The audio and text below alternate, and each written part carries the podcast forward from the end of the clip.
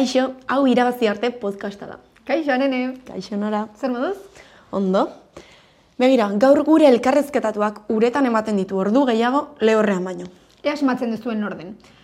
Urpekari izan daiteke, arraunlaria, Bob Esponja... Barkatu, graziosa esnatu naiz gaur. Nora ba, jarri serio ze munduko surflari onenetariko bat daukagu aurrean. Garazi Sánchez. Kaixo, Garazi, zer modu zaude? Kaixo neskak oso ondo, oso pozik hemen egotearren. Pozten gara. Garazi Espainiako txapelduna da, bi aldiz gainera, eta baita Europako txapeldun ordea. Zu oso oso txikitatik hasi zinen surfean, ezta? Bai, zazpi urtek nituenean, ba, nire gurasoekin joten ginen lagako ondartxara, eta bertan nire neba nagusia. Ba, ba surfean hasi zen, eta ni ba, kopiatu nahi izan nion. Gauza bat besteari eh, ekarri zion, eta gaur egun arte. Jo, bai, eta ikusi egu geroztik etzea gelditu, ez, 2018 arte, ze informatu geha eta ikusi egu 2018an istripu bat izan zenuela edo? Bai, e, osegorreko ondartxan, banebilen bizkarreko min handiekin, eta bueno, gero be- bertan izan nuen istripu bat, eta bueno, ba, kolumnako lesio handi bat izan nuen, urte bat uretik kanpo, eta, eta bueno, ba, pizkat, ba, gogorra izan zen, batez ere, ba, incertidumbre hori, E, denbora guztian ea zer gertatuko zen, ea, ba, bueno, lehenik ea ibilia izango nuen, eta gero, ba, bueno, surfaia zegoen azken, azken eskaloia, baina, baina, bueno, bai, urte kuriosoa izan zen. Ba begira, honen arira, badaukagu beti taldekide batek galdera bat bidaltzen dugu, eta oraingoan leirek bidali digu. Bai, bera pija bat da, eta orduan, klaro, normala denez, ba, surfa pila bat gustatzen zaio. Egun nora. Oso gatorra da, eh? Orain entzongo ez lasai. Venga, jarri galdera. Taldekideen galdera. Kaixo garazi, zer moduz, leire naiz. Bueno, e, egia esan zure bizitza eta egiten dezuen kirola pio bat gustatzen zaidala. Txikitatik, bueno, amabi urte nituenan hasi nintzen surfa egiten, e, kanta horrian, hain zuzen ere, playa de berrian, igual ezagutzezu, baina, bueno, horrolatu esente daude. Eta, jo, egia esan, e, oaintxe ikusi ditu dela zure azken publikazioak Instagramen, edo, bueno, anklatu daukazu publikazio bat, eta pilo bat emozionatu naiz, ikusieten bideoakin, ze mm, ikusiet istripu bat izan zenula, orduan jakin nahi nuke nola egin zenion aurre, ze mentalki, vamos, iruditzen zait super, super zaila, eta gero ebai, zen mezu emango zenioke jendeari e, horrela dagoen momentuetan. Zuk esperientzia hau izan da, ba, izan daiteke mm, mezu polit bat. Así que, bueno, ba, mila esker, eta ea laizter ikusten gendegun elkar. Muxi potolo-potolo bat. Agur garazi.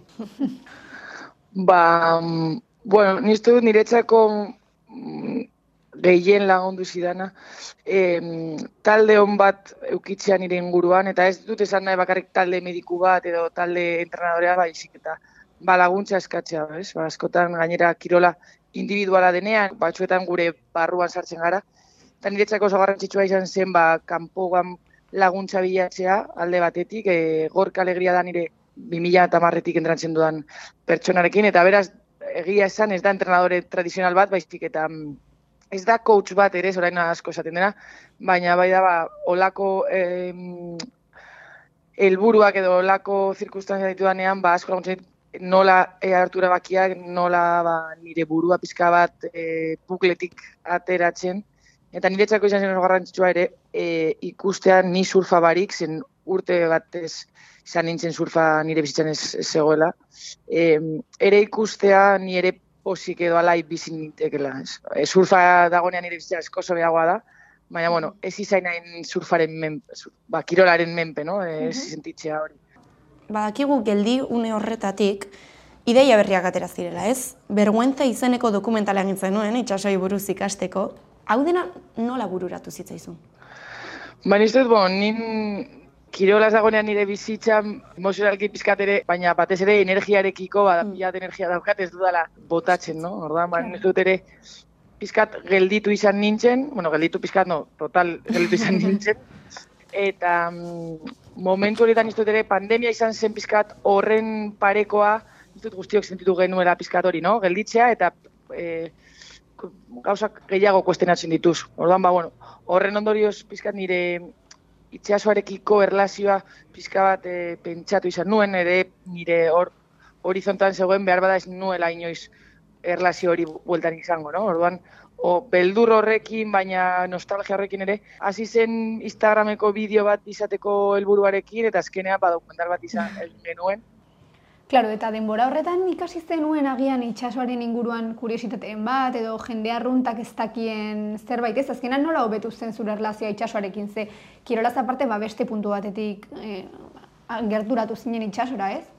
Ba, bo, nire helburu handiena zen ikastea, baina nire gaine vergüenza deitzen zen zen zen como pizkat vergüenza ematen zidala. bai, asko maite nuen itsasoa, baina aldi berean ez nuen inolako kuriositatea Ja. ba, ikasteko edo. Orduan, lehenengoa izan zen ulertzea zergait hori gerta daiteke, no? E, osa, batzuetan, ba, ba, izakiago lagoa gara, no? A, zeo zer maite dugu, baina aldi berean ez dugu asko ba, baloratzen, no? Orduan, e, eta gero ere, e, biologo eta eta beste batzuk e, entrevistatu nituen, baina nire helburua zen zientzia bizkat gu izaki estandarrei e, gerturatzea. Eta ba, bueno, niretzako zen, ba, ze egin dezakegu gizakiok. Ba begira, zure galdera hartuko dugu eta buelta emango diogu. Garaz, guk kostalderik gabeko herri txiki batean bizi gara. Beraz, nahi jakin, zer egin dezakegun guk itsasoa babesteko edo lurra izorratzen ez jarraitzeko.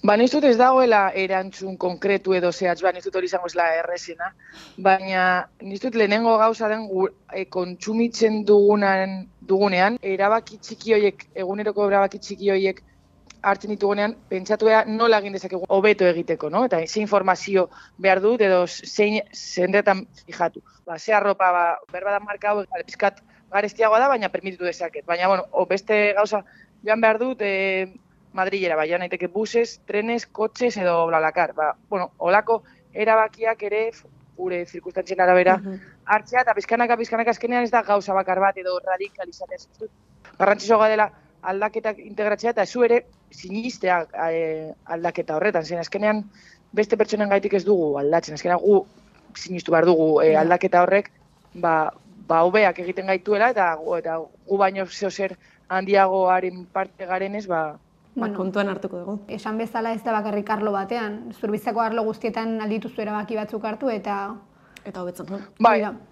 Bai, azkenan ez dut dena dagoela, zen zuek esan duzu itxasoa ez daukazuela, baina menditik datorren gauzak ere itxasoan, oza, dena azkenean da, Lotuta dago konektatuta, no? Bera ez duenaz, eh, entrevistatu nuenean, zaten zuen, Himalaian baldin bazaudeara, itxasoan gertatzen dena zuri afektatuko dizu, eta, oza, del 8000 al 0, no? Oza, dena dagoela konektatuta, orduan, guztiok gara, niztut hori sinestu behar dugula, no? E, ba, egiten beldurra edo edo kulpa ez kendu pizkat, eta, ba, txart, ez dugu egingo perfecto, hori, eske zer ezin, baina, no, lo perfecto veces contrario a, a lo bueno, de Bai. alguna manera. Bai.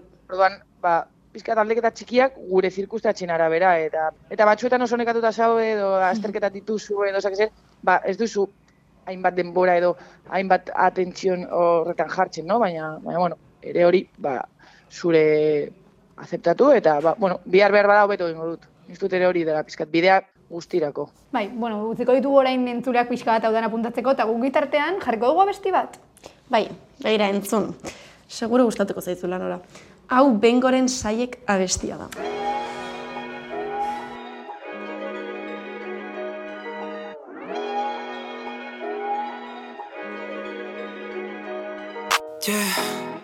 Volta gagnano yuka Tenna Paso de la coasca Milla que momento yes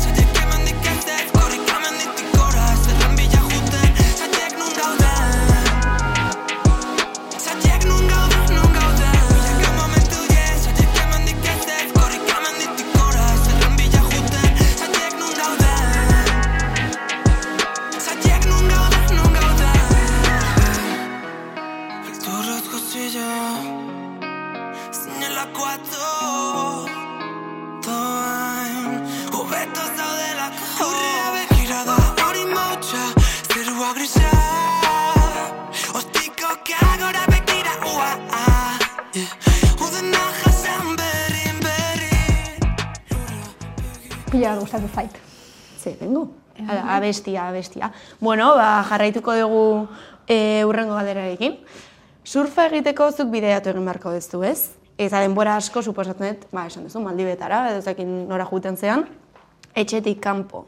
Zuri, bidaiatzea gustatzen zaizu, edo ja lanarekin lotuta dagoen zerbait da, eta nahiago ez du ba, etxan egon, familiarekin, edo lagunekin. Ni dut e, surfean, e, surf profesional aritu nintzela, zen bidaiatzea zen nire ametxik handiena, no? Egia da, badau e, denboraldiak edo edo urteako hilabeteak asko bidaiatzen duzunean, ba ez duzu hainbat, hainbat gogo egoteko ba hainbat emozioekin edo intentsitate horrekin, no? Eta orduan ba ez dut ni beti dut bidaiatzeren nobena da Eus- Euskal Herrira bueltatzea, zen ez dut e, leku politan bizi garela, baina egia da e, niri asko asko gustatzen zait. Bidaiatzea egia da ere txapelketetara goazenean bidaiak ez dira hain bidaiak, osea, Ja. zoaz lanera, ez duzu hainbat Claro.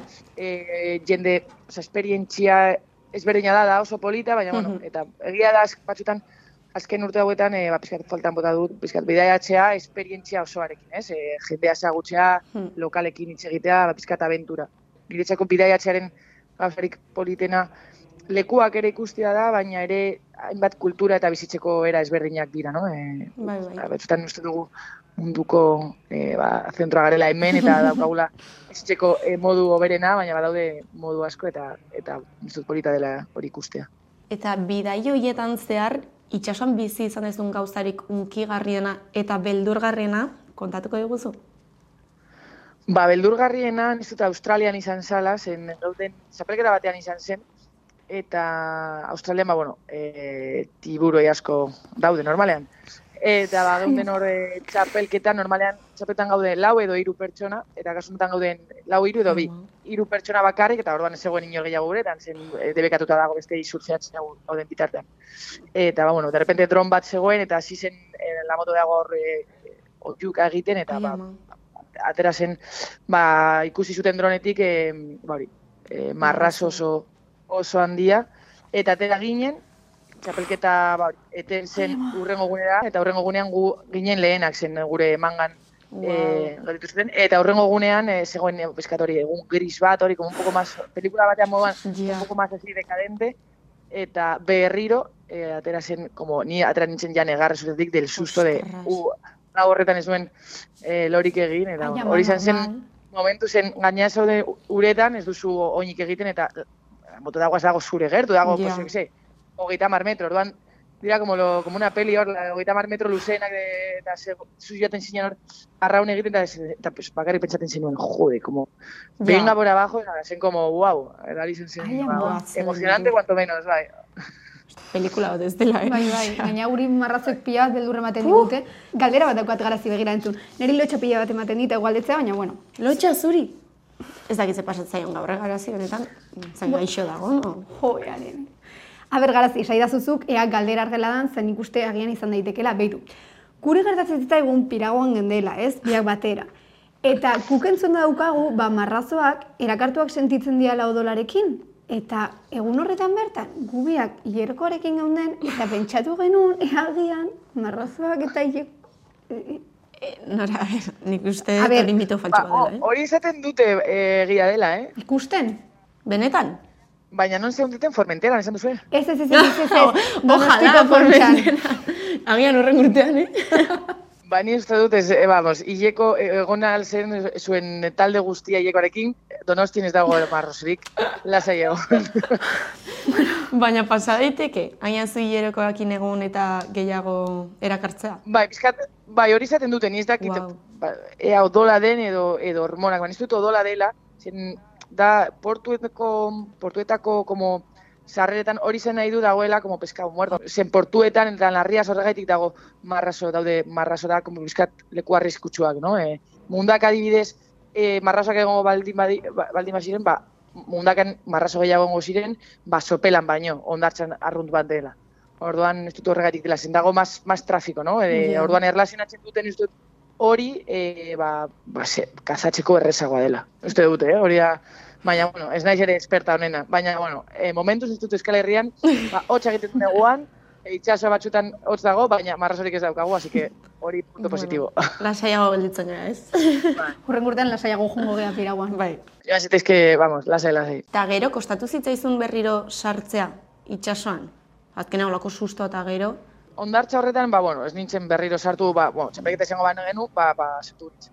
Baina, bueno, eh, normalean, ba, ba, bueno, badaude lekuak edo momentuak edo entornoak, ba, pizkat beldur handiago daukazula, baina ni beti izaten dut, ba, arraso badela kotxe bat harrapatzea edo istripu bat izateko kotxean, em, marrazo bat ni jatea baino, no? Orduan, ba, bueno, esaten dut, kotxean no, egunen, orduan, saiatzen dut hori erlazionatzen, zen azkenean, olatu dauzen leku guztietan, iaia daude marrazoak. Wow. Gero eta atake, ez daude atakean handiri, baina, bueno, saiatzen naiz, ez izatea hori oso presente, ze azkenean bestela asko limitatzen duzu zure, bueno, zure disfrutea eta zure bidaiak. Bueno, nik uste asko hitz egiten nahi gala marraza gogora, marraza bera. Beste susto. Kendu susto. Bai, pixekentzeko edo. jarriko dugu abesti bat, ondo iritzen zaizu. Venga, nire kontu, eh? Ados. Venga, ea gustatzen zaizun garazi.